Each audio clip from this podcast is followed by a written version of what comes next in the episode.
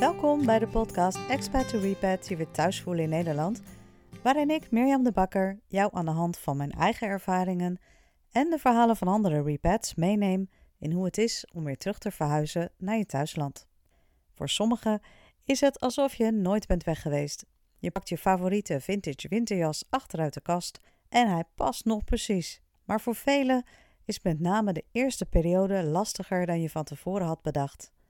Want in de tijd dat je weg was, is Nederland veranderd, ben jij veranderd en dus voel je je misschien niet meteen weer helemaal thuis hier. Verwarrend, want je komt hier toch vandaan, dus waar ligt het dan aan? En veel belangrijker, wat kun je doen om je snel weer thuis te voelen, om je plek weer te vinden? Zodat jouw terug naar Nederland reis sneller en fijner verloopt dan de mijne. Welkom bij weer een nieuwe aflevering van Expert to Repat. Vandaag doen we een heel leuk online gesprek en ik heb te gast uh, Sean Slabbekorn van Lifestyle of Business. En uh, Sean en Jeannette die um, hebben samen een missie waarin ze zeggen: wij gaan jou helpen om meer misbaar te zijn in je bedrijf en daardoor minder te missen van het leven. Nou, dat lijkt mij een uh, hele goede en het spreekt me ook ontzettend aan.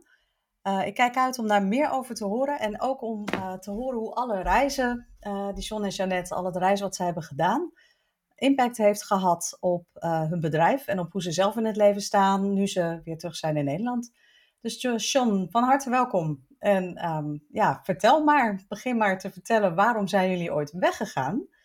Want ja, pas als je weggaat kun je ook weer terugkomen. En al die levenslessen onderweg, die, die hebben volgens mij heel veel voor jullie gedaan. Uh, dat kan je zeggen. Allereerst, uh, leuk om hier te zijn. Ja, ja waar zou ik eens beginnen? Ik, uh, ik begin in 2015.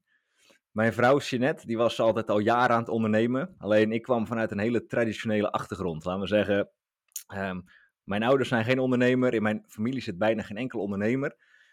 Dus het was, hey, doe maar normaal, doe je het al gek genoeg. Doe gewoon studeren, gewoon het pad bewandelen. Dan ga je werk zoeken in het veld waar je hebt gestudeerd. En dat doe je totdat je ongeveer 68 jaar oud bent. Dat was een beetje het idee.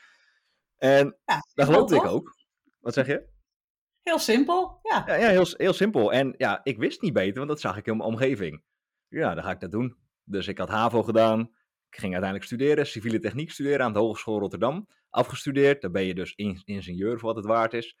Ik denk, dat is wel cool. Bruggen bouwen, tunnels bouwen, alles wat je buiten ziet, zeg maar. Heel groot van beton. Ik denk, dat is wel tof. En dan kan ik daar mensen in aansturen assistent uitvoerder, uitvoerder, projectleider, bedrijfsleider. Althans, zoals het pad wat ik had uitgestippeld voor mezelf. En dat ging ook eigenlijk vrij aardig, tot ergens in 2015. Ik, uh, ik deed dat, ik was al een paar jaar assistent uitvoerder. Ik zou promotie kunnen gaan maken richting uitvoerder. En toen kom ik thuis, ergens in januari of zo op 2015. Dat was echt een beetje zo'n grauwe dag. En er was gewoon weer een dag van half zes weg, s ochtends tot half zes s avonds. Dat was een beetje hoe de dagen eruit zagen. En toen kwam ik thuis en die zegt, je moet even gaan zitten. Um, ik zeg, oké. Dus ik dacht, wat zou er aan de hand zijn? Ja, of die wil of scheiden, of die is zwanger, of, of ziek of zo, dan weet ik het. Dat klonk wel serieus. Ja, ga zitten. Ja. Ik, uh, ik heb eigenlijk ja, het volgende bedacht. Het is goed dat je gaat stoppen met je vaste baan. En zij was al jaren ondernemer. We hadden een sportschool aan huis, ze had een diëtistenpraktijk. Uh, en ze kon daar eigenlijk wel wat hulp bij gebruiken. Zij zegt, het is eigenlijk goed dat je gaat stoppen, want dan kan je mij gaan helpen in het bedrijf. En nog nooit over okay. nagedacht, hè, tot dat punt. Uh, dus ik had zo'n daar komen we straks nog wel op. Maar ik had een, een reptiele breinaanval, zoals wij dat in coaching noemen. Dus ik had nogal een gesprek met mezelf. Over, ik zag het in één keer allemaal. Ik denk, dat kan niet. Ik heb gestudeerd, ik ben aan het werk, ik heb dit pad helemaal uitgestippeld. Uh, dat is niet mogelijk.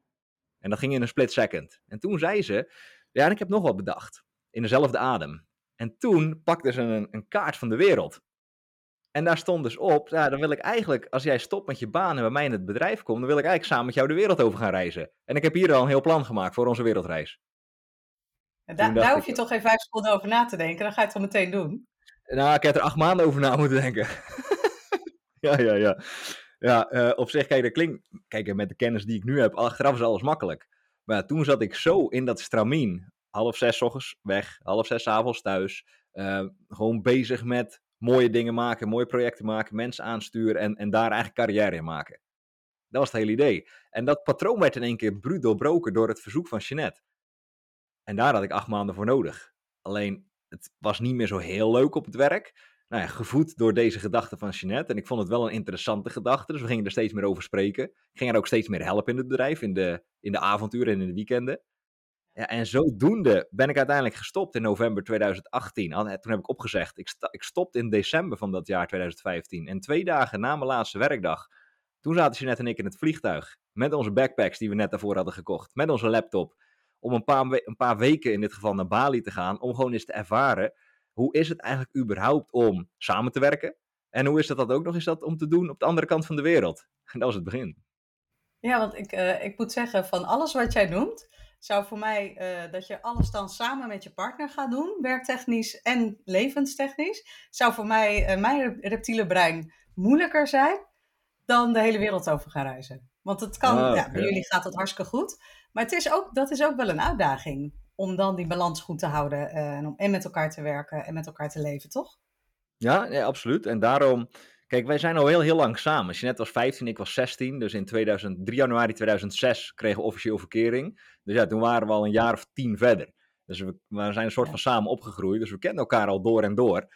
Alleen het was nog steeds wel een test. Ja, hoe gaat dat zijn samen ondernemen? Hoe gaat dat zijn als je ook letterlijk 24-7 met elkaar bent? In dit geval in Bali. Nou, en die twee weken waren fantastisch. En daarna hebben we plannetjes gemaakt om dat uh, groter en uitgebreider te gaan doen. Ja, super gaaf. En wat zijn jullie toen gaan doen? Toen uh, zijn we weer eens weer teruggekomen na een paar weken. En toen waren we thuis eh, in ons huis in Nederland, in de wijk. De plek waar ik op dit moment ook zit, waar we nu wonen. En ja, dat huis dat hadden we overgenomen van Jeanette ouders, dus dat was allemaal mooi zo gelopen. En toen zaten we daar, ja, was het januari, het was koud in Nederland, waren we net daar een paar weken in Bali geweest, waar het uh, niet koud was. En toen dachten we, we moeten weer weg. Maar ja, we hadden nul ervaring, hè. Dus wij denken, nou weet je, we gaan, we naar, gaan we even naar Malta. Maar toen kwamen we in Malta in januari. Ja, daar is het ook niet echt heel warm. Dus het was wel heel leuk. Maar ja, dat was niet echt een succes in die zin qua weer. Alleen toen is het jaar van de proefreizen begonnen.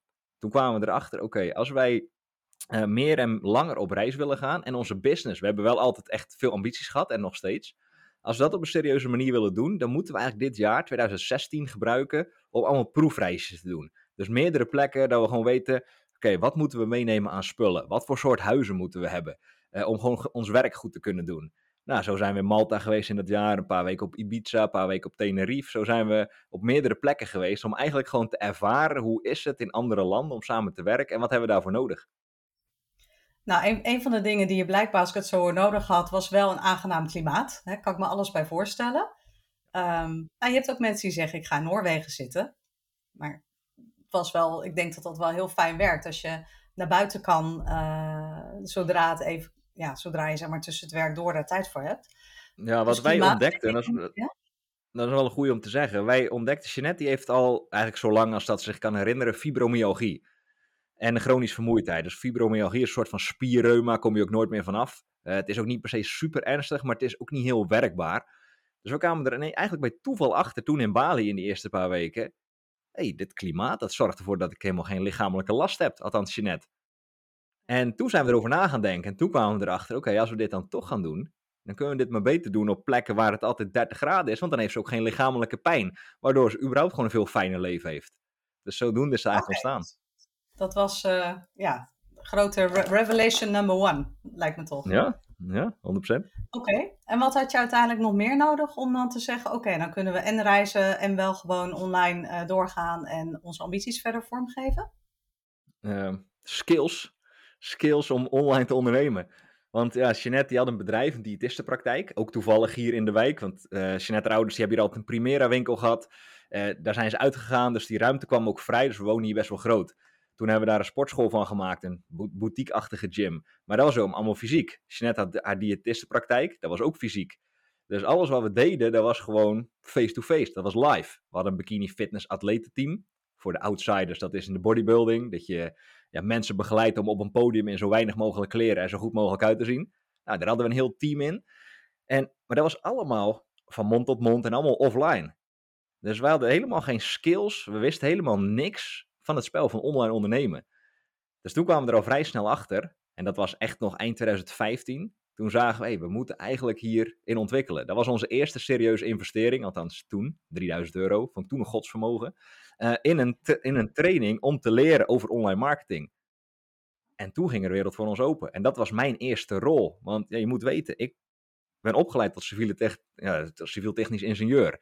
Ja. En niks in ondernemen. Dus ik had geen ondernemende achtergrond, ik wist helemaal niks. Dus ik kwam bij Jeanette in het bedrijf en toen waren in één keer de rol omgedraaid. Als in, ik verdiende eerst het geld en toen verdiende Jeanette het geld. Ik moest echt, echt gaan ontdekken in het bedrijf, wat wordt mijn rol? Wat kan ik goed? Wat vind ik leuk? En wat heb ik daarvoor nodig? Dus uh, naast die proefreisjes was het ook vooral veel investeren in onszelf, heel veel tijd ook investeren om gewoon allemaal dingen te ontdekken om die business zo snel mogelijk online te krijgen. Dus ja, dat was het eerste jaar. Welk gedeelte, ja, welk gedeelte van zo'n business kun je dan online zetten? Want je zegt zelf, het was allemaal heel fysiek. Dus je kan niet, ja. van een deel moet je misschien afscheid nemen of moet je dat uitbesteden en een ander deel moet je uit gaan bouwen. Ja, een, uh, een gym online wordt toch lastig. Dus we hebben uiteindelijk besloten om die te verkopen. Een bikini fitness atletenteam, dat kan wel deels ehm, fysiek. Alleen heb je mensen nodig die de begeleiding doen op locatie, op de wedstrijden. Dus wij hadden toen twee coaches, die ook toevallig uit dat team kwamen. Dus die dat interessant vonden en dat ook nou ja, daar goed in waren. Dus die konden ons gaan helpen. En daarnaast is de coaching meer en meer online geworden. Dus de coaching die, of die Jeanette toen deed. Dat was echt dus op sport- en voeding coaching. Ja, dat hoeft eigenlijk niet meer op locatie. Dat kon ook gewoon online. En nu klinkt dat heel logisch. Door heel die COVID-periode is bijna alles online. Maar ja, toen was dat nog niet zo logisch voor veel mensen. Alleen ja, we konden niet anders. Dus, maar je uh, was eigenlijk best wel pionier, ja, dan. Want dat, nu klinkt het inderdaad, ja precies, het is nu 2023. Maar in 2015, 16, 17, 18 was dat natuurlijk totaal niet logisch om dat te gaan doen. Nee, nee, die hele digital nomad hype, zoals dat heet, dat, was toen, ja, dat werd toen een hype. Maar in 2016 was dat nog niet zoals dat nu is. Nu lijkt iedereen tegenwoordig maar in Dubai, Bali en weet ik waar te zitten. Maar toen was dat nog niet zoals, niet zoals dat het nu is. Nee. Oké. Ik vind, ja, het is echt een, een uh, bijna een sprookje, zo'n verhaal. Dat het dan ook lukt, weet je wel. Dat je dan uiteindelijk dat helemaal uitbouwt en dan gewoon een fantastisch uh, bedrijf neer, neer gaat zetten. Dus je hebt dan, oké, een tijdje proef gereisd. Nou, uiteindelijk achter gekomen dat dit is wat jullie paste, wat je ook wilde. Maar je bent, uh, hoe lang ben je uiteindelijk weg geweest dan samen? Uh, nou, het eerste jaar waren het gewoon kleine reisjes. En vanaf het einde van 2016, toen hebben we besloten, weet je wat we gaan doen? We gaan ons huis verhuren. En we gaan, uh, we gaan gewoon weg voor lange tijd, eigenlijk voor onbepaalde tijd. Dus echt op de laatste dag, was 19 december 2016, weet ik nog. Die dag zouden we vertrekken. En op 18 december, toen kwam er iemand in ons huis, die had het gehuurd. Als in, wij dachten, nou, dat gaat waarschijnlijk niet meer lukken, dan gaan we wel gewoon weg en dan verhuren we het wel niet. En dan, uh, op zich was de hypotheek niet super hoog en dan, dan betalen we dat wel en dan zien we dat wel. Nou ja, blijkbaar moest het zo zijn. Dus toen kwam er iemand in ons huis. Dus toen hadden we ook die rust in die, in, in die zin. Dat, dat maakte ook, ik denk dat het een goede stok achter de deur was, dat we ook niet meer zomaar terug konden, want ja, er zat iemand in ons huis. Dus dat, ja, wij hadden weer naar Bali, want dat kenden we. Dus een ticket naar Bali geboekt, gewoon een enkeltje. Met het idee, nou, we zien het wel. We zien wel, misschien zitten we er wel een heel jaar of zo. Helaas moesten we na drie maanden weer terug naar Nederland, want mijn opa die was ziek. Ernstig ziek, kanker. En die kwam ook te overlijden. En die wilde ik toch nog graag een keer zien en ook bij de uitvaart zijn. Dus toen na drie maanden waren we terug. Maar dat waren zeg maar de eerste drie maanden achter elkaar dat we in het buitenland waren. Toen waren we één maand in Nederland. En daarna zijn we naar Mauritius gegaan. Ik denk, dan gaan we een keer een hele andere kant op. Drie maanden op Mauritius gewoond. Ook fantastisch. Ja, die staan we heel hoog op mijn uh, lijstje. Ja, geweldig. Ja, dat is absoluut een aanrader. Uh, ik, ik had wel eens van Mauritius gehoord, maar ik, dus een beetje die plaatjes, uh, witte, echt super witte stranden en zo. Dat ik denk, dat klinkt echt heel mooi. Tijdverschil was ook niet zo groot, dat was gunstig met, met de coaching en zo die we deden.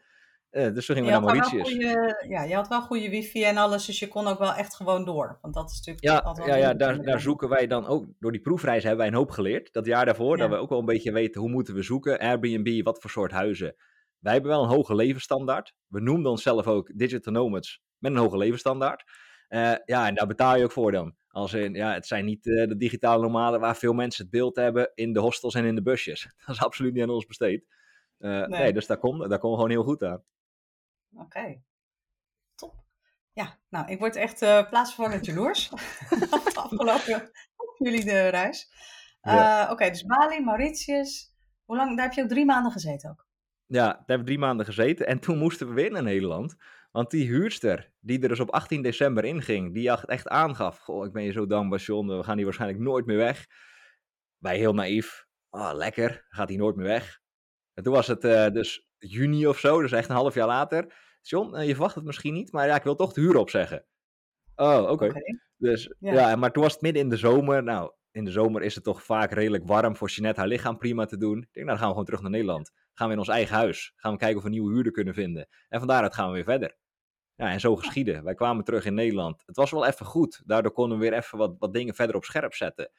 Plannen verder aanscherpen. Op zoek naar een nieuwe huurder. Wat ook gelukt is. Die kwam er in september al in. Dus dat was maar een hele korte tijd eigenlijk. En toen zijn we weer in het vliegtuig gestapt. Ik zag toevallig vanochtend een Facebook-herinnering van exact zes jaar geleden, 2017, ja? dat we ehm, naar Thailand gingen. Toen zijn we dus eh, naar Thailand gegaan, twee maanden. En van daaruit zijn we in één keer doorgaan naar Bali voor zes maanden. En toen zijn we nog een maand naar Barcelona geweest. Toen waren we negen maanden op een rij weg. Ja, dat was echt lekker. Ja, dat was heel lekker. En toen was het al 2018. En in de tussentijd waren wij gewoon lekker aan het bouwen en aan het bouwen aan onszelf, aan onze eigen ontwikkeling, aan het bedrijf. Want ja, die ambities die werden eigenlijk alleen maar groter. En, uh, en van daaruit, dan moet ik heel even zo pauzeren, want daar zijn een paar goede dingen gebeurd. Die ervoor hebben gezorgd dat wij nu tot hier zijn gekomen in onze business. Want tot dat punt, in 2018, heette ons bedrijf nog niet Lifestyle of Business, zoals het nu heet. Toen heette het bedrijf nog kickassleven.nl. Heel, uh, ja, dat je echt denkt... Ook een lekkere ja, naam hoor. Dat zeg je? Ook een lekkere naam, toch? Ja, ja, ja um, zeker. Toen we het bedachten wel. Want wij bedachten dat toen we dus altijd op reis waren. En wij denken, wij dachten toen, hey, wij hebben een kick-ass leven. Wij zijn van die digitale nomaden die overal heen, heen, gaan. Wij bouwen onze business online op. Dat inspireert blijkbaar andere mensen. We hebben een kick-ass leven. Kunnen we andere mensen ook bij helpen? Beetje zo. Alleen dat trok een bepaald publiek aan. En dat trok een bepaald publiek aan waar wij eigenlijk niet echt meer op zaten te wachten. Dat waren dus de digitale nomaden of de potentiële digitale nomaden van de busjes en de hostels en met een, geen geld. Dus ja, als je geen geld hebt, je, je, je, kan ook niet echt wel verdienen aan mensen zonder geld. Heel simpel gezegd. Nee. Nee, en toen hebben we een onderzoek gedaan, marktonderzoek, uh, alle kennis die we hadden verzameld inmiddels. En toen zijn we tot Lifestyle of Business gekomen, complete rebranding in 2018. Dus Kick-Ass Leven, dat was ook heel luchtig, groen en zo, heel lief om te zien. Ik denk, oké, daar moeten we vanaf. We moeten naar iets meer badass, meer business. Dus als wij een groter spel willen gaan spelen als ondernemers, ja, dan zullen we daar ook keuzes voor moeten maken. Dus toen zijn we voor dat blauwe en dat gouden gegaan, die stropdas en die slipper als logo bedacht, lifestyle of business en eigenlijk een veel meer een mannelijke aanpak. Ja, en, en daarna zijn we voor mijn gevoel pas echt gaan ondernemen, 2018. Ik vind dat wel mooi, hè? hoe dan inderdaad zo'n branding uh, zoveel, zoveel eerste indruk kan geven, zonder dat de mensen daarachter nou per definitie anders zijn. Alleen je mindset ja, is misschien wel anders geworden. Ja, ja, zeker. Wij waren inmiddels een paar jaar verder ook met investeren in coaching in onszelf. Wij investeren altijd in coaching. En, en dat gaat inmiddels met uh, ehm, 120.000 euro per jaar of zo. Het is nooit om stoer te doen voor het bedrag, maar om mensen een idee te geven welk spel wij bereid zijn te spelen om te kunnen wat we kunnen. Uh, alleen dat was in 2016 al, dus ik was net uh, koud gestopt met mijn business. En toen investeerden we al in een business coach. En dat was toen 10.000 euro per persoon voor drie maanden traject. Dat was toen 20.000 euro, ex-BTW. En dat geld hadden we niet eens. Dat was echt heel spannend. En dat zijn we blijven doen. En die bedragen zijn ook omhoog gegaan. En we zijn dat in veelvoud gaan terugverdienen, anders konden we dit niet doen. Maar dat maakte dat wij dus absoluut niet meer dezelfde John en Jeanette waren in 2018 ten opzichte van begin 2016. We waren al zoveel doorontwikkeld en daar ontstond ook een gat tussen het publiek van toen en het publiek wat we eigenlijk wilden hebben. Ja, het is wel logisch. En in hoeverre heeft dan het feit dat je op reis was, um, het kan me zo voorstellen dat je dat ook een bepaalde vrijheid geeft. Want je zit niet vast op één plek. Dus ook in je geest zit je niet vast. En dus kun je denk ik ook groter denken of misschien op een andere manier kijken naar, naar wat je wil bereiken. Dan als je in je 9 tot 5 elke dag hetzelfde doet. Ja, maar vooral dat. Ik heb daar wel een paar interessante dingen over te vertellen. En, en de eerste is inderdaad, binnen Lifestyle of Business spreken wij altijd over vier tegenstrijdigheden. En één van die vier tegenstrijdigheden is begrensde vrijheid. Dus je hebt grenzen nodig om vrijheid te kunnen ervaren. Dus wat ik vaak heb zien gebeuren, dan mensen denken, hé, hey, dat, dat is leuk, zo over de wereld reizen, je werk van overal en nergens doen. Dan boeken ze een ticket naar bijvoorbeeld Bali, om te beginnen, heel low-key. En dan zitten ze daar en ze raken helemaal van God los. Als in, ze hebben geen enkele grens meer. Ze gaan al lekker elke dag uit eten, want het kost haast niks. En ze gaan overal werken en zwemmen en naar het strand en surfen en allemaal nieuwe vrienden. En ja, dan moet eigenlijk nog wel een beetje gewerkt worden. Maar ze hebben er ook vaak niet de discipline. Dus ze hebben geen grenzen. En ze denken vrijheid te hebben. Maar eigenlijk, als ze een maand verder zijn, voelen ze zich vaak heel ongelukkig. Want ze lijken alle vrijheid te hebben, maar doordat ze geen enkele grens hadden, ja, voel, ervaarden ze compleet geen vrijheid. Zo, en, en tenminste dat is wat wij nu ook mensen onder andere leren. Maar wij, Jeanette en ik, hebben vanaf begin af aan al bedacht, oké, we kunnen waar dan ook op de wereld zitten, maar we hebben altijd targets die we willen halen. Dat is niet alleen maar geld hoor, maar we hebben altijd bepaalde doelen die we willen halen. Ja, daar zijn acties voor nodig en die zullen we in een bepaalde tijd moeten doen. Want als wij die acties niet doen, iemand anders gaat ze ook niet voor ons doen. Dat betekent niet dat we 120 uur per week hoeven te werken of zo. We deden het wel 80 uur per week.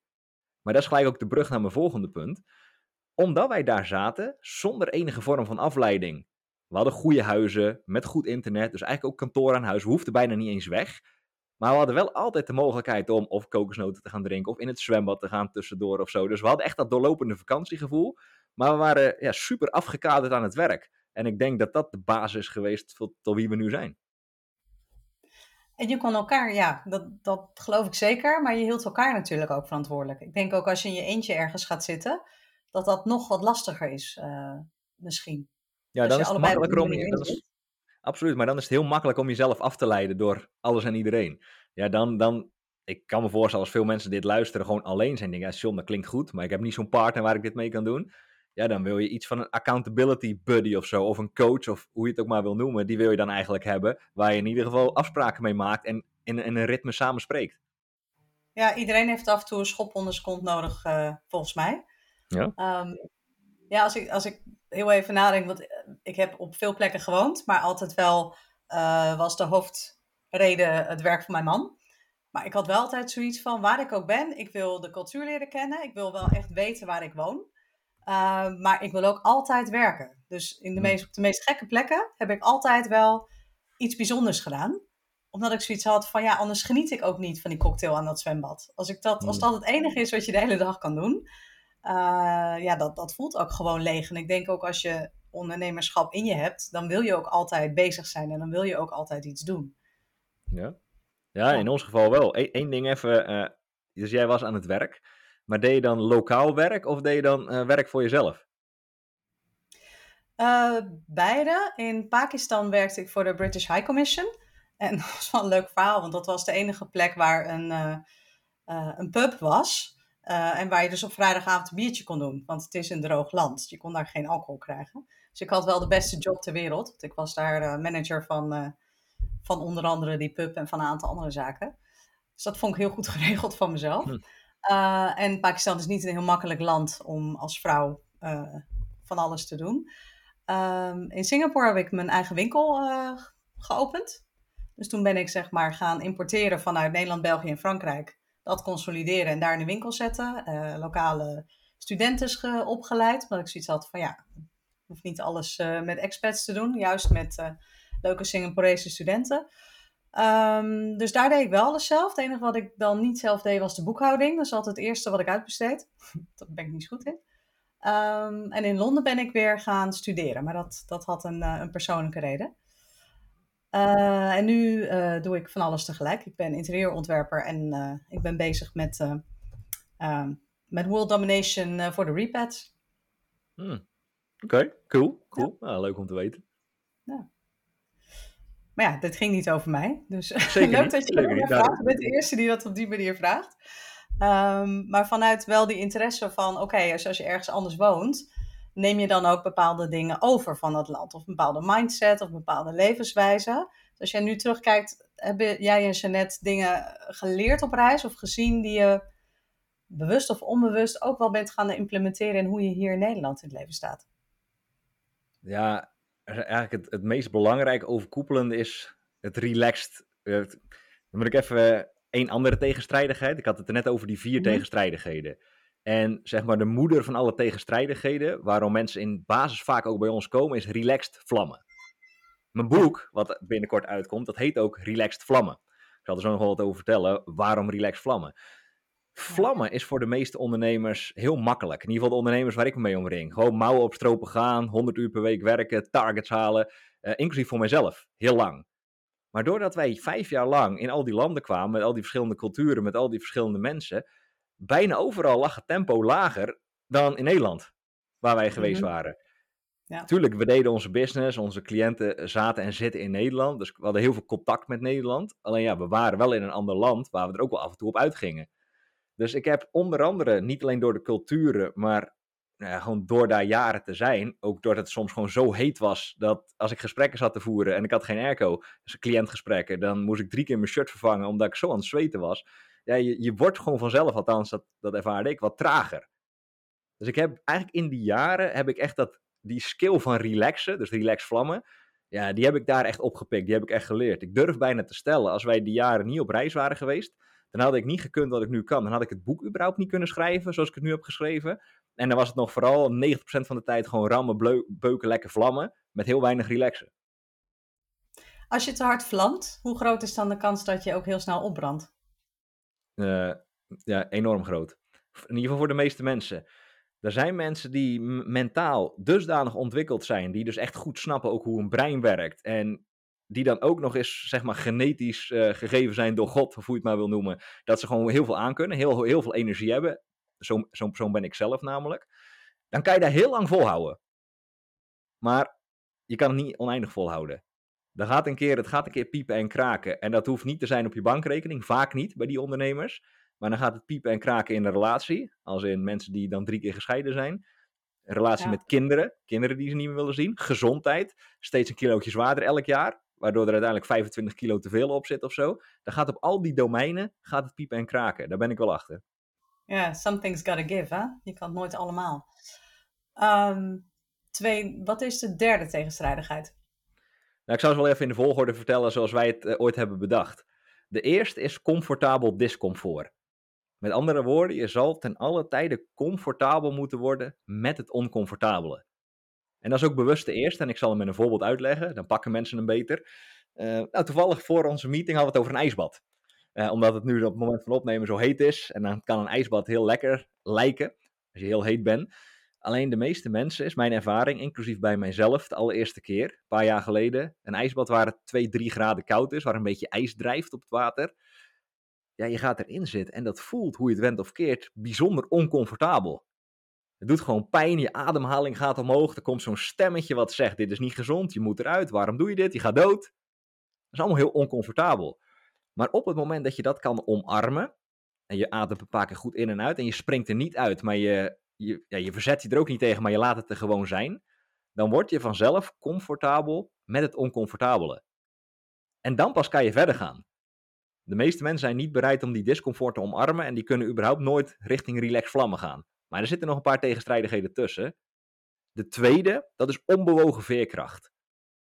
Je zal ten alle tijde onbewogen veerkrachtig moeten zijn om richting je doelen te gaan. Dus enerzijds uh, ja, onbewogen. Dus oké, er, komt van alles op je af. Uh, ja, hoe ver buig je mee met wat er gebeurt? Of breek je bij de eerste beste tegenslag af bij de grond? Hoe snel sta je weer op nadat je neergeslagen bent? Dat is een beetje vaak de, wat simplistische uitleg. Een voorbeeldje in sales. Dus als er ondernemers zijn die dit luisteren, die denken, oh ja, sales, dat is inderdaad de goede. Dus ik moet comfortabel worden met oncomfortabele, dat is mensen opbellen. Vaak heel oncomfortabel voor mensen. Nou, dan zijn ze ja, zeker in dit tijdperk, uh, ja. Ja, ja nee, het wordt steeds erger. Mensen durven niet meer te bellen. Nee. Dus dan zijn ze er eindelijk doorheen. Oké, ik moet mensen gaan bellen, want ik heb toch weer wat geld nodig of ik wil wat meer impact maken, dus ik ga mensen bellen. Dus daar zijn ze comfortabel mee geworden, maar dan krijgen ze twaalf keer op een rij nee te horen. Dan komt die tegenstrijdigheid onbewogen veerkracht. Hoe onbewogen veerkrachtig ben je? Of breek je gewoon af? Ah, twaalf keer een nee, dit werkt niet voor mij. Zie je nou wel, ik ga wel weer gewoon met online funneltjes lopen pielen of zo. Waar niet per se wat mis mee is, maar zijn vaak oppervlakkige acties. Dan komen we bij de derde, die hebben we al gehad. Dat is begrensde vrijheid. Je hebt grenzen nodig om vrij te kunnen ervaren. Hoe leg ik dat vaak uit? Kijk naar een spelletje voetbal het moment dat jij uh, naar buiten gaat en je denkt, hé hey, leuk, ga even een voetbalwedstrijdje kijken, maar er zijn geen lijnen, er zijn geen doelen. Het is niet echt leuk om naar te kijken. Het is ook niet leuk om het te spelen. Want ja, je kan oneindig door blijven rennen. En ja, je, je scoort nooit. Er is, er is nooit een begin en een eind. Er is nooit een winnaar. Moment dat er lijnen zijn en doelen. En er zijn wat spelregels afgesproken. Als in 11 tegen 11, 90 minuten. Dit is hoe het werkt. Dan is het in één keer leuk om te spelen. En dan is het in één keer leuk om naar te kijken. Dus zo zie je begrensde vrijheid. Die grenzen zorgen voor vrijheid. In dit geval de vrijheid om het spel te kunnen spelen. Nou, deze drie tegenstrijdigheden in, in deze volgorde leiden uiteindelijk tot relaxvlammen. En de definitie zoals wij dat hebben bedacht van relax vlammen, dat is gewoon al je grote doelen en ambities bereiken met een doorlopend vakantiegevoel. Oké, nou we gaan straks nog over je boek hebben, maar uh, doe maar dan dat boek. Ja. Ik wil dat ook wel. Ja. Ja, ja, ja, de meeste mensen willen dat wel. Uh, kijk, wij hebben een hele methodiek ontwikkeld. Ik zal hem niet te ver uiteenzetten, maar ik zal, ik zal een paar interessante dingen eruit halen uh, op basis van uit eigen ervaringen. Kijk, wij hebben ons logo is een, een slipper en een stropdas. Maar op mijn boek hebben we een logootje toegevoegd. Hebben een icoontje toegevoegd. Dus we hebben een stropdas, we hebben een slipper en we hebben een trofee, een beker. Die okay. drie werelden, wij noemen dat de successtrategie uit de zakenwereld, de stropdas. Met de levensles uit de slipperwereld, dus de slipper uit het logo. En de winnende mentaliteit uit de sportwereld. Wij zijn er de afgelopen drie jaar achter gekomen. Als je die drie werelden combineert, want dat doen we zelf namelijk ook. En wij teachen alleen maar dingen die we zelf ook leven of doorleefd hebben. Ja, dan heb je goud. Die vijf jaar waar wij nu in essentie over spreken, hè, zeg maar ons digitaal nomade leven, dat we acht maanden per jaar gemiddeld in het buitenland waren.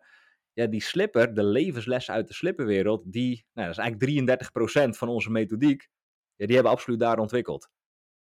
Dus mensen die kunnen die, die stropdas, die kunnen ze leven. Dus een goede strategie hebben. Ze kunnen een goed team opbouwen. Ze kunnen geld verdienen als water. Ze kunnen zo zichtbaar zijn als het maar kan op social media. Dat is één deel. Ze kunnen de andere kant, de, um, dus de winnende mentaliteit uit de sportwereld, dat zijn eigenlijk die vier tegenstrijdigheden. Ja, daar ja. kunnen ze allemaal snappen. Maar dat leidt eigenlijk nog steeds niet tot relax vlammen. Op het moment dat je ook niet die slipper uit het model, als je die pakt, nou die bestaat in ons geval ook uit vier onderdelen. Relaties, net al kort over gehad. Je kan alles ja. voor elkaar hebben, maar als je geen, niet in staat bent om goede relaties te onderhouden met je levenspartner, met je kinderen, met je vrienden, met collega's, ja, dan wordt het nog steeds heel moeilijk. Dat is één. Als je niet in staat bent om vermogen op te bouwen, dus dat is anders dan geld verdienen, maar vermogen op te bouwen, dat je ooit eens een keer kan, ja, dat je niet meer hoeft te werken voor je geld, omdat geld voor jou werkt. Als je daar niet toe in staat bent, ja, wordt het nog steeds heel lastig om ja, die ultieme vrijheid te ervaren. Dan hebben we daarnaast ook nog energie. Energie, uh, ja, gezondheid zou je hem ook onder kunnen vertalen. Dus op het moment dat jij uh, drie uur per nacht slaapt, omdat je denkt ik ben een badass, maar als je er niet tegen kan, word je steeds vermoeider, ga je er ook steeds slechter uitzien. Als je denkt, hey, ik schuif gewoon naar binnen, want ik ben een Bourgondier. Veel mensen die hebben die overtuiging. En dan word je elk jaar een kilootje of twee zwaarder. Ja, dat helpt je ook niet echt om gezond en vitaal oud te worden. En daarnaast, als je denkt, ja, ik ben niet echt iemand die sport. Als in, uh, John, jij kan vijf dagen per week in de sportschool zitten, maar ik heb daar geen tijd voor. Ik heb wel andere dingen te doen. Elke keuze heeft consequentie. Alles komt met een prijs. Dus als je ook niet bereid bent om gewoon af en toe een keer een werk te doen, of dat nou is hardlopen, in de gym, wat ook maar voor je werkt, ook dan is de kans groot aanwezig dat je niet gezond en vitaal oud wordt. Ja, dat is heel waar. En dan hebben we nog de laatste van de vier. Uh, binnen de slipper zo gezegd. Dat is welzijn, hebben we zo genoemd. Happiness klinkt beter, maar we hebben alles in het Nederlands, dus hebben we welzijn van gemaakt. Gewoon een algeheel geluksgevoel. Dus je kan alles voor elkaar hebben, maar als je soort van ja, niet een algeheel geluksgevoel ervaart, en dat is voor iedereen wel wat anders, daar heb ik niet echt iets tastbaars voor hoe je dat moet doen. Buiten dat je uh, gewoon de dingen moet doen die je moet doen. Uh, ja, als je dat allemaal combineert, en we kunnen zo nog wel één of twee dingen eruit pinpointen op basis van onze reiservaringen, hebben wij ontdekt ja, dan is de kans bijzonder groot dat jij uh, uiteindelijk meer misbaar wordt in je bedrijf, zodat je minder hoeft te missen van het leven en een 8,5 scoren kan scoren op ieder vlak van het leven. Dat zijn eigenlijk de drie resultaten die wij een beetje beloven. Nou, ik denk dat, uh, ik denk dat daar een helemaal grote markt voor is. Want ik zie ook wel de levenswijze hier in het Westen uh, niet bijdraagt aan een heleboel van de pijlers die jij net genoemd hebt. Um, ja als ik al alleen al terugdenk aan mijn jaren in Azië, waarin s ochtends om zes uur oudertjes van boven de 70 gewoon tai chi stonden te doen in het park. Ja. Uh, zij beginnen de dag met hè, een soort van inner peace en mentaal welzijn. Um, ik moet zeggen dat het, het, eten ook daar, de manier waarop ze eten en hoe ze met eten omgaan, veel beter voor je lijf is dan uh, alle, alle boterhammen met kaas die je hier uh, normaal vindt, zeg maar. Ja. Um, en ja, je ziet natuurlijk ook in het Westen hè, dat de obesitas uh, toeneemt. Je ziet nu onder jongeren dat burn-out klachten toeneemt. Dus ik denk ook dat het heel goed is um, dat mensen op een andere manier alles vorm gaan geven. En dat je inderdaad die balans ook gaat vinden tussen body, mind en soul. En mm. uh, zakelijk is dat denk ik iets wat jullie heel erg mooi samenbrengen. Precies dat, ja. En het begint en alle tijden bij de persoon zelf. Het fundament van de persoon. En dat schoot net in mijn hoofd en dat, dat vind ik wel een belangrijk om te delen. Jeanette en ik besloten dus eind 2016, oké, we gaan nu definitief op reis. Dus soort, daar hebben we dan een tijd voor gewerkt. Om, toen was het zover. Wij zaten in Bali. En na twee dagen kreeg ik een soort van mentale inzinking. Nou, laat dat soort maar weg. Ik kreeg een mentale inzinking. Toen had ik een, een reptiele brein wat inkikte. Voor degene die dat niet weten, het reptiele brein is het oudste deel van onze hersenen. Met primair twee functies. Dat is ons fysieke lichaam beschermen tegen de dood. Dat is een goed iets. Maar daarnaast, die wil elke vorm van verandering vermijden. Die vindt elke vorm van verandering verschrikkelijk. Nou, op het moment dat je je huis achterlaat, uh, voor onbepaalde tijd naar het buitenland gaat, met alle onzekerheid van dien, dat is nogal een vorm van verandering voor zo'n reptiele brein. Die vindt daar wat van. Het is eigenlijk heel vrij vertaald het gesprek wat je hebt met jezelf. Dus wij waren daar en het was s'nachts, het was best wel warm. En ik zeg tegen Jeanette, ik, ik weet niet, hebben we hier nou wel goed aan gedaan? Want uh, nu zijn we hier, dit is precies waar we voor hebben gestreden om dit voor elkaar te krijgen. En, en nu ben ik hier en ja, ik voel me niet echt gelukkig en ik weet niet of het nou eigenlijk wel goed is. Gelukkig was Jeanette in die tijd ook al een behoorlijk goed coach. Dus ja, er was gewoon een soort van coaching sessie uh, in die nacht. Waardoor, waardoor de lucht een beetje geklaard werd. En een paar dagen later was het wel over. Omdat ik even een ander perspectief kreeg. In plaats van dat ik zo in bleef zoomen op ja, de negatieve dingen en alles wat vervelend is. En nee, nee, nee. Ik werd eruit gehaald door Jeanette. En in één keer besefte ik me weer. Oh ja, ik ben niet die stem in mijn hoofd. Dat is mijn echte boodschap. Ik ben niet die stem in mijn hoofd. Dat is iemand die de show probeert te runnen. Want die wil terug naar het oude. Maar als ik dat nou gewoon eens aan de kant kan zetten. En eigenlijk vooruit kan kijken en kan gaan genieten van het hier en nu. Kijken wat er wel is. Hoe we dit wel goed werkbaar kunnen krijgen. Ja, dan, dan, dan hebben we echt een topleven. Nou, en dat laatste hebben we gedaan. Ja, en ik wil eraan toevoegen, je hebt elke dag als je wakker wordt opnieuw de keus om die dag op een bepaalde manier in te vullen. Of dat nou is teruggaan omdat het toch niet uh, de goede keus voor je was, of je baan opzeggen, of uh, ja, kleine dingetjes doen, maar je hebt elke dag opnieuw de keuze. Ik geloof ook nooit mensen die zeggen ja, maar ik kan niet anders. Of nou, het is nou eenmaal zo. Ja, het is wel zo, maar dat wil niet zeggen dat je, dat je nergens meer een keuze in hebt, zeg maar. Maar dat dus is het ook. In en... verschrikkelijke omstandigheden heb je nog steeds een keuze. Maar, maar daar is het ook. En uh, het laatste om dit punt af te ronden voor mensen die dit... Iedereen heeft dit namelijk. Iedereen herkent het ook wel op zijn of haar eigen manier. Dat stemmetje, dat gesprek met onszelf, dus in dit geval begin 2017 in Bali, ja, als ik daarnaar had geluisterd, ja, dan was ik direct weer teruggegaan. Als ja, zie je, dit is eigenlijk niks voor mij, waarom heb ik dit gedaan? Het is de kunst dat je daar vooral in het begin niet te veel naar luistert. Want als je steeds beter en beter snapt hoe dat dit werkt, dan weet je, oké, het is niet ik. Ik ben niet die stem in mijn hoofd. Ik heb een gedachte. Dus ik heb een gedachte die zegt dat dit niet wat voor mij is, maar ik ben niet mijn gedachte. En als je daar echt even bij stil kan staan en dat kan identificeren, en dan inderdaad weer vooruit kan bewegen, en inderdaad, je hebt altijd een keuze, dan is de kans bijzonder groot dat je een paar dagen later die gedachte helemaal niet meer hebt. En als dan een paar weken later nog steeds zo is en je voelt je echt heel slecht en je wordt er ziek van en, en misschien moet je dan teruggaan. Maar vaak, ik denk 99 van 100 keer, is het meer een reptiele brein gedreven gedachte die terug wil naar wat hij kent. Ja, en dat wil je wel beseffen. Het is een heel sterk brein, dat reptiele brein. Ja, echt, echt zo, ja. Ja, maar jullie, uh, jullie hebben het goed gedaan. En jullie zijn eigenlijk uh, gaan vliegen. Uh, letterlijk, maar dus ook qua bedrijf. En toch, op een dag ben je teruggegaan. Want je, je bent nu niet meer ergens op Bali of Mauritius, nee. maar je bent heerlijk weer thuis.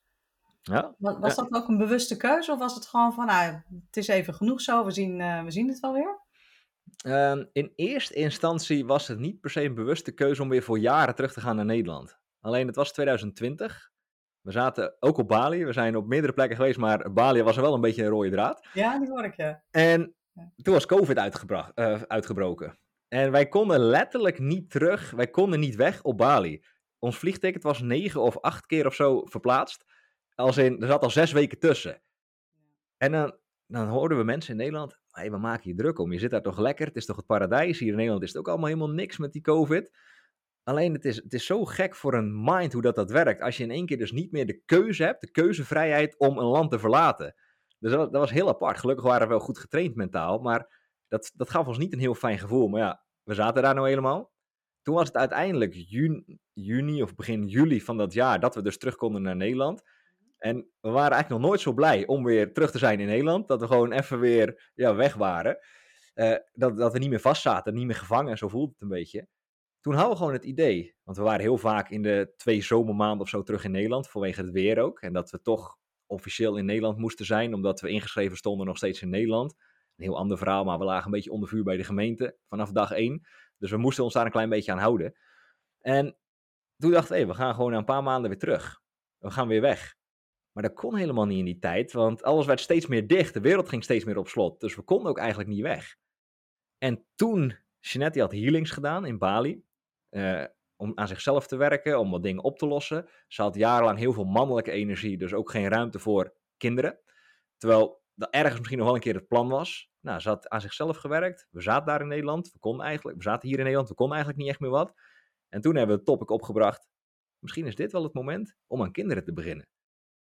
Ja, en zo geschiedde het. Eh, de eerste keer was gelijk raak. Uh, eh, 21, of 27 eh, april 2021 kwam onze Jason kwam ter aarde. En vorig jaar besloten we, zo misschien anders ook een tweede kind doen. Was nooit de bedoeling, maar we hadden het er zo over. Was gelijk weer de eerste keer raak. En dat was afgelopen 2 mei is onze Harvey geboren. Dus in precies twee jaar tijd hebben we nu twee zoons. Nou, en nu, dank je. Alleen nu is het, vind ik het, vind het gewoon een beetje gedoe. We hebben het thuis fantastisch. We hebben hier alles wat we maar willen. Dus nu, uh, dus wat geen bewuste keuze, was je vraag. Het was eerst geen bewuste keuze. Het was een beetje gevoed vanuit wat niet meer mogelijk was in de wereld. Nou dit, dit kwam op ons pad. Misschien moest het ook wel zo zijn. En ik schat zo in als we nog een paar jaar verder zijn en de boys iets ouder zijn en daarmee ook iets meer bewustzijn van de wereld hebben, dat we dit weer opnieuw gaan doen, op een iets andere manier waarschijnlijk. Het is, gisteren hadden we het er nog over. Ja, we willen eigenlijk weer terug naar de winters sowieso, dat we altijd dit weer hebben. Het is nu dan op dit moment van opnemen super lekker weer, van s ochtends tot avonds en s'nachts. Ja, we, zien ons gewoon uh, waarschijnlijk 50% hier wonen, 50% in het buitenland wonen met een paar jaar van nu. Ja, ik kan het je van harte aanraden. Uh, ik heb een zoon die nu 18 is. Die is geboren in het buitenland. En die is pas op zijn elfde in Nederland uh, terechtgekomen. Hmm. Um, maar ik zie wel dat de manier waarop wij hem opgevoed hebben. En al die exposure uh, aan andere culturen. Dat hem dat wel een hele open, brede mindset heeft gegeven. Ja. dus ik zie daar zeker het voordeel van in. En ik geloof ook als ze heel klein zijn. Dat het waar je ook woont belangrijk is. Om juist die, um, wat, hoe noemde je dat nou? Begrensde vrijheid? Dat die voor kinderen heel belangrijk is. Die moeten kaders hebben van waaruit ze kunnen gaan ontdekken en laten rebelleren. Hè, want dat, die fase krijg je uiteraard ook. En, en je eigen grenzen op gaan zoeken. Maar die, die, dat kun je pas doen als je veilige basis en kaders hebt thuis. Ja, en, en daarom, wij hebben er gewoon voor gekozen om dat nu hier thuis te doen. In de wijk of all places. We hebben hier ook alles. We hebben best wel een grote tuin. Die hebben we helemaal leuk ingericht. Het is bijna een beetje Efteling-achtig. Uh, we hebben een jacuzzi, een sauna, een ijsbad. Een ijsbad vinden ze nu nog wat te koud. Zeker Harvey, die is vier maanden oud. Oh, maar, ja, wagen. nee, dat doen we niet. Maar, maar, meer om ze daarin mee te nemen. We hebben een eigen home gym laten inrichten. Nou, Jason is nu ruim twee jaar. Die gaat letterlijk elke dag met ons mee. Dus ze krijgen ook een hele goede associatie met bewegen. We dwingen ze natuurlijk niet, maar ja, ze zien ons dit doen. Dus ze krijgen al, al heel veel mee. En dat willen we ze eigenlijk ook in andere culturen over de komende jaren gaan meegeven. Ja, mooi. En ik ben heel benieuwd wat dat dan weer voor impact heeft op hoe jullie straks dan ook weer, weer een slag in je, in je bedrijf gaan maken. Want ik geloof dat dat ook wel weer, kinderen leren je ook weer dingen. Ja, nee, absoluut. absoluut. Ik vind het uh, een bijzonder verhaal. Um, en ik vind het ook wel heel mooi dat je inderdaad overal je thuis weet te vinden. Want ja, jullie zijn terug in Nederland. Je zit in, in mijn podcast vandaag en uh, ik focus natuurlijk ook op het stukje van je komt terug en dan. Uh, jullie hebben dat heel goed opgepakt, maar heb je ook moeite gehad met terugkomen? Of was het zo'n warm bad? Uh, natuurlijk, het was COVID, maar je hebt er alles. Hmm. En toch ben je wel veranderd met z'n tweeën door al dat reizen. Was het makkelijk om weer te aarden hier? Um, ja, ja en nee. Kijk, wat het was, Jeanette, haar moeder, die had in 2018 gediagnosticeerd met borstkanker. En dat was precies het moment dat we even bij hun op de boerderij woonden, uh, in die twee maanden dat we in Nederland waren, omdat ons eigen huis verhuurd was. Dus ze hebben van dichtbij meegemaakt. Nou, toen ging het heel slecht met haar, als ze zou waarschijnlijk dat, dat einde van het jaar niet halen. Jeanette en ik zouden opnieuw gaan trouwen op Hawaii, begin 2019. We zijn in 2014 met z'n tweeën getrouwd op Hawaii. En we hadden de familie beloofd om daar met z'n allen heen te gaan. Dus dat was een van de ankerpunten waar we voor hebben gevochten. Nou, Jeanette, moeder, die werd weer beter en fitter. Dus die kon ook mee. Dat was een magisch moment. Een van de mooiste, denk ik, van ons leven. En toen ging het de hele tijd goed. En toen uh, was het in 2020 dat we terugkwamen door COVID. toen zaten Jeanette en ouders, die hadden ons huis gehuurd. Wij, zij hebben hier altijd gewoond, wij hebben dat overgekocht. Ze wonen op een boerderij, ze konden dat niet meer doen. Dat werd te zwaar, fysiek, ook met, met die borstkanker. Dus toen zaten wij hier, waar ik nu, dit is mijn kantoor, moment van opnemen. Alleen dit, was, dit is ook een appartement. Het is eigenlijk geschakeld aan elkaar, daarom is het best wel ruim. Maar toen zaten wij in dit appartementje. Maar dat was niet echt fantastisch. Want ja, dan hebben we zoveel vrijheid gehad al die maanden, eigenlijk al die jaren. En dan zit je in één keer soort van opgesloten in zo'n appartementje. Terwijl ons eigen huis notabene bezet is door Jeanette ouders. Maar toen, wat, toen ehm, waren we eigenlijk van plan. Ik denk, nou, misschien dan toch maar weer op reis of zo. Maar wel of geen kinderen. Nou, besloten voor kinderen. Dus zwanger geworden. Dus toen, toen werd dat niet meer een optie. Maar toen, een soort van eigenlijk uit het niks, kreeg Jeanette de moeder de, ja, opnieuw de diagnose. Ja, het gaat nu eigenlijk slecht en het ziet er wel heel slecht uit. En het ging dus ook zo slecht dat ze heel snel achteruit ging. Dus toen waren we heel dankbaar, eigenlijk niet dat dat gebeurd is, maar dat we wel hier in de buurt waren, dat we alles konden doen. Toen hebben we zelfs gezegd, oké, maar wij willen wel ons eigen huis weer terug, omdat we nu een kind krijgen, dus we hebben die ruimte nodig. Maar wat we doen, zij waren niet liquide genoeg. Wij kopen wel een huis in de buurt voor jullie, dan kunnen jullie dat van ons huren, dan uh, gewoon dichtbij. En dan kun je daar wonen, maar toen was ze nog niet zo ziek. Dus zij, uh, zij daarheen. Echt na een paar weken dat ze daar woonde, dus 10, kilometer hier vandaan. Uh, toen die diagnose, was februari 2021. Jeanette was op dat moment heel hoog zwanger. Dat, dat was echt heftig. Ja, dat was heel heftig. Ja. Dus op dat moment, Jeanette meer en meer uit het bedrijf. Dus ik runde het bedrijf met het team veel meer. Zij moest zwanger zijn en daarop focussen. Ook voor de imprint wat het zou hebben op dat kind anders, op Jason. Maar ook om er voor haar moeder te zijn. Want ja, die ging letterlijk naar het einde van haar leven toe. Dat was haar al gezegd vanuit het ziekenhuis. Dus ja, die periode, maart en april 2021, waren de meest turbulente tijd uit ons leven. Want Jeanette, haar moeder, kwam te overlijden op 14 april. En op 27 april, 13 dagen later, werd Jason geboren. Ja. En, ja, dat kun je bijna niet bevatten, hè? Zo uh, naast elkaar, die twee dingen. Nee, dat kan je bijna niet bevatten. Um, enerzijds, het was een mooie periode als in een, periode van verbinding en er samen kunnen zijn. Een besefmomentje, hey, we hebben een business die dit ook wel kan faciliteren. Uh, we kunnen ook doen wat we moeten doen.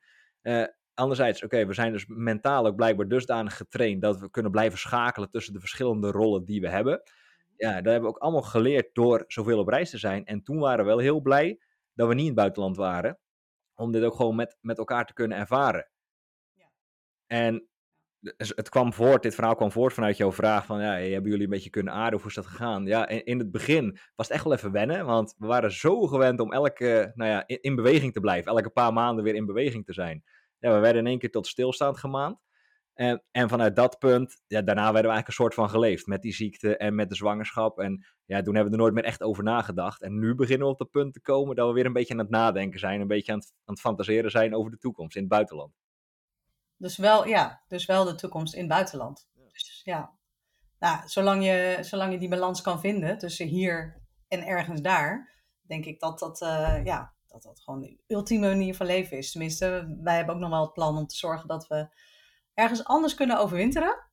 Van november tot en met maart ben ik een iets minder zonnetje in huis. Ik heb heel veel last van het gebrek aan licht. Ja, ja dat geloof ik, ja. ja ja, dat is wat het is. Uh, we hebben een zoon die nu gaat studeren. En ik vind het ook gewoon heel lekker om wel in de buurt te blijven. En niet naar de andere kant van de wereld te vuizen. Uh, en gewoon ook een klein beetje mee te maken ja, hoe zijn leven verloopt en wat hij allemaal gaat doen. Dus dat, uh, dat is ook een keuze. Ja, ja, maar daar is het, kijk, wat we al eerder zeiden, elke keuze heeft een consequentie. kijk, alles heeft voordelen, alles heeft ook nadelen. Ja, er, je moet uiteindelijk wel ergens gewoon voor gaan. En, ja, en dat is het. Ja, hoewel ik uh, natuurlijk wel wat later dan jullie, maar er nu wel achter ben dat ik waar ik nu voor ga, gaat wel iets zijn wat ik overal kan doen. Dus hmm. ik ga me niet meer aan iets fysieks, zeg maar, binden, waardoor ik de keuze straks niet meer heb om weg te gaan. Ja. Dus dat, ja. Dat wel. Heel goed. Maar um, je hebt een boek geschreven. Dus ja. wanneer bedacht je van, nou, ik heb al een succesvol bedrijf. we hebben een goede relatie, we hebben twee prachtige kinderen. Uh, maar er mist iets. Op een dag weet je het. Je moet een boek schrijven. ja, ja, ja. Um, nou ja, enerzijds, we hebben, wij laten ons altijd omringen door de best mogelijke coaches, mentoren, consultants. En wel al meerdere keren gehoord, oké, als kennisondernemer, als coach, als, als mensen die echt ook wat te vertellen hebben, een boek is gewoon goed voor je autoriteitsstatus. Maar dat hoorden we dan aan en dat klonk theoretisch, intellectueel klonk dat wel heel goed. Ik denk, oh ja, ooit wil nog een keer een boek schrijven. Eigenlijk waren er een soort van twee dingen die ik ooit had bedacht om een legacy na te laten. Dat was kinderen. vrij letterlijk mezelf verspreiden, mezelf voortplanten. en een boek. Ja, dan heb ik toch, dat was in mijn optiek soort van het ultieme. Dan heb ik in ieder geval, mocht ik dan ehm, een keer dood neervallen, wat ik nog niet echt van plan ben de komende tientallen jaren, dan heb ik in ieder geval wat gebracht hier. Zo mooi, dus zo'n mannelijke energie die nu door dat scherm spat. ja. Ja, nee, ja, ook heel, heel simplistisch gedacht, zeg maar, maar uh, een beetje voor het verhaal. ik denk, ja, een boek, maar wie ben ik nou? Ik ben eigenlijk nog jong, ik heb nog niet heel veel meegemaakt. Wie ben ik, wie zit er nou te wachten op, op dat boek? De methodiek zoals we dat nu hebben qua business, dat was nog net niet helemaal in elkaar geklikt. Dus twee jaar geleden, in 2021, begon ik met dit idee. Bijna precies twee jaar geleden. Toen ben ik een keer gaan zitten uh, allemaal naslagwerk mee. Toen ben ik in onze tuin, vroeger verkochten we hier vuurwerk, dus er staan vuurwerkbunkers. Dus ik ben letterlijk in die bunker gaan zitten. Uh, er was alleen maar licht, het was heel koud en vochtig, geen ramen, helemaal niks. Er stond één stoel, daar ben ik gaan zitten met mijn klapblok en gewoon gaan nadenken. Oké. En dat was het begin. Alleen, dat was het ook, dat was het begin. En toen heb ik er weer een heel tijd niks mee gedaan, tot juni 2000, ik weet nog precies, 24 juni 2022. En toen ben ik uh, naar een caravan gegaan voor een weekend, alleen met enkel mijn laptop, een paar boeken als naslagwerk en geen eten. Ik ben bewust 40 uur gaan watervasten. Ik denk, ik moet focus hebben. Ik, ik, had gehoord dat watervasten goed was. Ik had één keer eerder gedaan. Ik moet geen uh, afleiding hebben met eten maken, afwassen en zo. Ik moet gewoon gaan zitten. En pas, ik mag pas die caravan weer uit als de outline van dat boek staat. Als in de inhoudsopgave, de inleiding en de achterflap. Want dan heb ik een begin. En dan moet ik iemand zoeken die me accountable kan houden. En dan wordt het ook echt een boek. Okay. Dat is mijn idee. En ja, zo geschiedde het ook. Jeanette en Jason brachten me weg bij die caravan. Uh, een uurtje of veertig later haalden ze me weer op. En ik had een inhoudsopgave, ik had een inleiding en ik had een achterflap. En je was niet flauw gevallen. Oké, vind ik ook heel knap. Ja, nee, dan drink je een liter of vijf, zes water op een dag. Want ja, ergens om je gewoon een beetje dat volle gevoel te houden. En, uh, maar dat was wat ik had gedaan, dat was het begin. En vanaf dat punt, toen uh, is het nog niet dat ik elke week al aan het schrijven was. Want ik had nog net iets te druk met mijn business. En ik had toen nog niemand in de vorm van Robert. Robert is eigenlijk een soort van ghostwriter voor mij. Uh, als, ik heb het zelf geschreven, maar hij heeft er echt een goed verhaal van gemaakt. Uh, want ja, ik ben wel een schrijver, maar ik ben niet een, ja, de beste schrijver ooit of zo. Ieder zijn vak, toch? Ex exact. Ik heb veel geschreven in de vorm van blogs, mails, social posts, maar dat is anders dan een boek. Kan ik je vertellen? Want dan in één keer moet je iets van 55.000 woorden achter elkaar hebben. Wat, wat diepgang heeft, maar ook lekker leest. Zonder fouten. Dat is dan het idee van een boek. Ja. Dus toen heb ik zoals altijd, nou, die kwam op mijn pad, heb ik die begeleiding ingeschakeld. En pas toen we echt een afspraak hebben gemaakt, als een ik betaalde hem daarvoor en we spraken af, dan heb je hoofdstuk 1, dan heb je hoofdstuk 2, dan heb je hoofdstuk 3. Toen was die accountability er. Toen ben ik in een ritme gaan schrijven. En toen ben ik echt heel vaak sessies gaan zitten van uren om, om alles in elkaar te laten klikken. Ja, en nu zijn we hier en nu is het klaar. Ja, en hoe voelt dat? Lijkt me echt zo'n waanzinnig gevoel van dat je gewoon dat tastbaar van dit heb ik gewoon geschreven. Ja, het is... Al deze kennis heb ik gewoon gebundeld. Ja, het is nog net niet tastbaar als in het moet nog gedrukt worden. Alleen mijn werk zit er voor nu op. En ja, gisteren, ik drukte gisteren letterlijk op de verzendknop naar de uitgever. Van nee, dit is het. De laatste correcties, afbeelding, alles wat er nog in moet.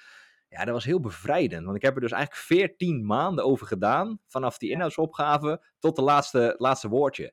En dan zijn we 58.000 woorden verder. En dan, en dan gaan we dat allemaal weer een beetje de afgelopen 14 maanden, die liet ik even mijn gedachten passeren. Maar eigenlijk ook al die jaren daarvoor, want al die jaren daarvoor is de voedingsbodem geweest voor wat ik heb kunnen verwerken überhaupt in dit boek. Ja. En um, ja, kun je een klein tipje van de sluier oplichten? Wie moet jouw boek kopen en waarom? uh, nou, het is in feite, en dat, dat klinkt dan gelijk al heel onaantrekkelijk, maar in feite is het wel voor elke ondernemer interessant. Dus laten we zeggen voor de ZZP die net begint, of de veel meer gevorderde ondernemer. Kijk, op het moment dat je een multinational leidt of zo, dan is het misschien alweer minder interessant. Maar laten we zeggen, als je, of je nou 25 medewerkers hebt of 75, dan is het nog steeds wel interessant. Maar, en dat is wel de belangrijke maar, op het moment dat je alles wil houden zoals het nu is, dus je werkt ongeveer 100 eh, uur per week, je doet het meeste zelf, omdat je nou eenmaal denkt dat je het zelf het beste kan, en je wilt je niks laten vertellen door iemand anders, je wilt niks veranderen, ja, dan kan je het beter niet lezen. Maar als jij weet, hey, ik ben vooral veel aan het vlammen. Ik ben uh, heel weinig aan het relaxen. En ik ben totaal niet misbaar in mijn eigen bedrijf. Als in, uh, ik kan er ook echt niet tussenuit voor langer dan een dag, want dan ben ik bang dat het instort. En als je daarvan af wil, ja, dan is het absoluut interessant om te lezen. Nou, dan gaan er een hele hoop verkocht worden. Want ik denk dat er heel veel mensen zijn die, uh, die dat geheim best wel willen ontrafelen. Dat denk ik ook. Dat denk ik ook. En, en daarom ben ik uiteindelijk tot dit boek gekomen. Uh, ik moest het ook, een kort, heel kort leuk verhaaltje. Ik, het was de twijfel, ga ik het met een uitgever doen of ga ik het zelf uitgeven? Ik hou eigenlijk niet van gedoe. Uh, ik wil gewoon dat professionals het werk voor me uit handen nemen. En ik moet me kunnen focussen op het vakmanwerk. Dus ik denk, oké, dan ga ik naar een van de betere uitgevers van Nederland. Nou ja, via Aartjan van Erkel, daar zit ik dan ook weer in coaching. Een van de bekendste copywriters van Nederland. Die zegt, van dure management. Oké, van dure management, kan je me in contact brengen? Ja, dat is wel goed. Dus ik een, een korte pitch video gemaakt. Ik doe graag met video en persoonlijk maken. Met, met, met goede verhalen om ook echt daadwerkelijk binnen te komen. Maar haar eerste gedachte, ah, daar heb je weer zo'n business coach met een businessboek. Maar dat was haar eerste, maar ze kende mij niet. Nee, daar zijn er natuurlijk ook wel heel veel van. Dus... Ex exact, exact. Dus ik kom met haar in gesprek. En ja, ik had ongeveer een kwartier of twintig minuten of zo om mijn verhaal te doen. Dat zij ook nou ja, enthousiast werd. Zegt John, vertel eens, ik heb hier al een manuscript liggen van een ander. Nou, dat, ik denk dat het een beetje hetzelfde is, maar ik ken jou niet, ik weet niet wat jij doet. Dus zou jij eens kunnen vertellen, wat maakt jouw boek en jouw werkwijze, jouw visie nou eigenlijk anders dan al die andere zelfbenoemde coaches? zeg, ik snap dat, uh, dat dit een frustratie is. Ik zou je eigenlijk vertellen waarom dit een boek is wat er niet is. Ik zeg, dit, dit boek bestaat uit twee delen. Dus we hebben een deel 1, drie hoofdstuk, en een deel 2, vier hoofdstukken. En dat maakt samen één boek. Deel 1, dat is eigenlijk het fundament van de persoon. Hoofdstuk 1 is het reptiele brein. En dan veel leukere titels hoor. Uh, maar dan snappen mensen een beetje hoe het opgebouwd is. Mensen moeten eerst bewust worden van die stem in hun hoofd. En er zit een hele, heel mechanisme achter. Deel 2 is, of hoofdstuk 2 is eigenlijk de identiteit. Dus de positie waar je vanuit komt. De rol die je aanneemt, elke keer opnieuw. En hoofdstuk 3, dat zijn onze vier tegenstrijdigheden. En dat samen maakt dat we een fundament hebben waar iemand echt mee verder kan. Want ik zei ook, ik zeg Monique, joh, ik kan alle business tips en adviezen, kan ik allemaal uiteenzetten in een boek. Kan ik ook mee beginnen, dat willen eigenlijk de meeste mensen het liefst. Gewoon praktische tips en tricks. Maar die praktische tips en tricks plakken op een heel zwak fundament, dat doet helemaal niks. Dus we moeten eerst met de persoon zelf aan de slag. Op een leuke, luchtige manier. Dus die drie werelden die ik net al heb uitgelegd aan jou, uh, die uiteengezet. Oh, dat vond ze eigenlijk al leuk, dus ik leg ook die tegenstrijdigheden uit. Ik zeg, en deel 2, ja, dan gaan we de businesskant op. Wij hebben vier pijlers. Elk bedrijf, groot of klein, die heeft die vier pijlers nodig. Elk bedrijf heeft een strategie nodig. Elk bedrijf heeft uh, zichtbaarheid nodig. Zichtbaarheid als in, ja, je moet zichtbaar zijn voor potentiële cliënten, klanten. Maar je moet ook zichtbaar zijn voor potentiële medewerkers. Als je wat groter spel wil spelen. Elk bedrijf heeft een team nodig. Want met één persoon ben je in feite al een team. Meer misbaar worden is onder andere wel met een team werken. Sommige mensen hebben daar weerstand op, maar het is wel hoe het, hoe het werkt. En elk bedrijf, groot of klein, die moet geld belangrijk maken. Dat is de vierde pijler. Die heeft geld nodig. Een goede geldmindset nodig. Je moet geld weten te verdienen in het hier en nu. Je moet geld weten te behouden. En je moet eigenlijk met dat geld een financieel vrije toekomst weten te creëren de vier onderdelen in de hoofdstuk geld.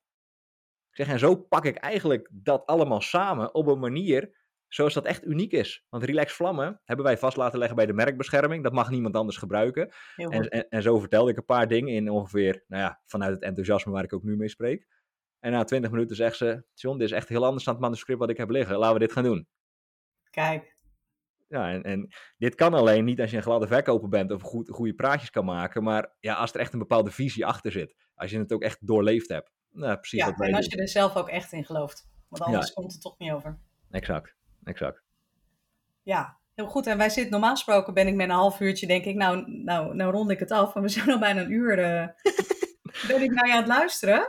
Ik zou nog uren kunnen luisteren, maar dat, uh, ja, dat is, daar is deze podcast dan weer niet voor. Nee. Um, nou, ik, uh, ik ga in ieder geval iedereen vertellen over jouw boek. En ik ga hem zelf ook kopen. En dat zeg ik niet tegen iedereen. Maar ik lees graag en veel, maar alleen als het me interesseert. Nou, bij deze ben ik heel benieuwd wat je allemaal te vertellen hebt.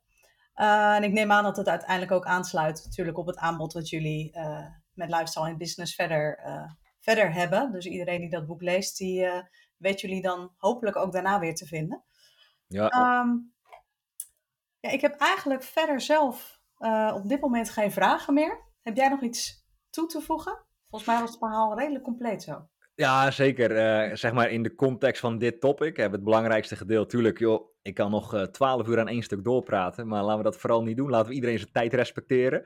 Uh, want we zijn al bijna een uur verder. Dus op het moment dat iemand tot hier is aangehaakt, nou, sowieso respect. mooi dat ja. je nog steeds luistert. Ja, ja en um, kijk, het moment dat je denkt, nee, dit is wel een interessant verhaal. Dat klinkt goed. ik wil de boek wel lezen. Absoluut doen. Als je denkt, ja, ik vind helemaal niks. Ja, dan moet je het ook niet lezen. Dat moet je juist doen. ja, misschien ook wel. Maar kijk, in dat, in dat, wij zijn altijd een soort van open boek, Jeanette en ik. Wij, wij hebben een podcast, we hebben heel veel gratis content. Wij delen in feite alles wat er in ons zit, delen we overal wel. Ook gratis. En dat boek kost drie tientjes, ook praktisch gratis. Uh, maar echt vanuit de gedachte, als iemand denkt na dat boek te lezen van 58.000 woorden en ben je 6, 7 uur mee bezig, denk ik. Als je dan denkt, dit was echt interessant. Hier heb ik een hele hoop uitgehaald. Ik wil eigenlijk doorpakken. Inderdaad, dan weten mensen ons wel te vinden. Maar ja, als ik heel eerlijk ben, sommige mensen weten ook echt de wereld te gaan creëren straks met alleen dat boek. Uh, ja, dat is een beetje waar we vanuit komen. Ook in zo'n podcast als dit. Ik ben niet aan het nadenken, wat ga ik wel vertellen of niet of zo? Ga ik dingen achterhouden? Nee, nee, nee. Wij delen gewoon wat we moeten delen om zoveel mogelijk mensen te helpen. Dat is het hele idee. Nou, daar geloof ik ook wel in hoor. Hoe meer waarde je deelt, hoe meer uh, nou ja, mensen ook zoiets hebben van this is the real deal. Uh, daar gaat het uiteindelijk om. Ja. En wat misschien wel leuk is als afsluiting. Uh, niet dat ik hem voor jou wil wegkapen. Jij mag uiteraard het laatste woord hebben. Maar dat schiet nu in mijn hoofd. Want ik weet niet wanneer deze podcast precies online komt. Maar ergens binnen nu en zes weken van het opnemen is het boek echt beschikbaar. We zouden kunnen doen dat ik er jou een paar opstuur. En dat als een luisteraar, die moet dan wel even iets moeite doen. Dus als hij denkt, hé, hey, dit is interessant. Ik wil eigenlijk wel zo'n boek. Dat jij er van mij, laten we zeggen drie of vier of zo, dat je die mag weggeven aan jouw luisteraar. Hoe klinkt dat? Ja, dat klinkt super tof. Maar dan ga ik er wel even een goede challenge uh, aan hangen. Mensen wel even heel duidelijk gaan vertellen waarom zij dat boek dan verdienen. Ja, zeker. dat is heel goed. Ja, dat gaan we doen ga ik hem zelf ook meteen, uh, ga ik mijn eigen challenge ga ik doen, ja? Kijken of ik hem ook verdien. ja, dat is heel goed. Nee, laten we dat doen, joh. Kijk, uiteindelijk, het is, uh, het is mij en onze missie om dit woord zoveel mogelijk te verspreiden. Want de wereld van coaching vinden wij wat van. Als in, uh, ja, er zijn zoveel coaches, maar de meeste coaches zouden die, die naam niet mogen hebben. Um, wij hebben zoveel geld en tijd geïnvesteerd om te kunnen wat we kunnen. Er zijn echt nog wel meer mensen die dit kunnen, maar percentueel gezien maar heel weinig. Ja, en dat woord moet gewoon verspreid worden. Dus ja, hoe meer ik ook dat boek bij mensen krijg, ja, hoe meer wij dat woord kunnen verspreiden. Nou, je hebt er bij deze een ambassadeur bij. Dus uh, prima, we gaan, uh, we gaan het regelen. Uh, dus als je luistert, blijf luisteren. Um, en lees, lees gewoon wat ik verder nog over te melden heb. Dan kun je maken, kans maken op een mega interessant boek. Relaxed Vlammen. Relaxed Vlammen, ja. Relaxed Vlammen. Van John en Jeannette van Lifestyle of Business. John, dankjewel voor dit gesprek. Heel graag Voor je openheid. Superleuk. En uh, nou, ik wens je uh, een nummer 1 notering in de sector van jouw keuze voor je boek toe. Ja, ja, ja dat, uh, dat is een van mijn doelen. Je hebt misschien al gehoord, ik ben altijd vrij ambitieus. Dus ik ga ja, ook echt voor niks minder dan de nummer 1, zo snel mogelijk. Nou, kom wel goed denk ik. Hé, hey, dankjewel. Jij ook bedankt.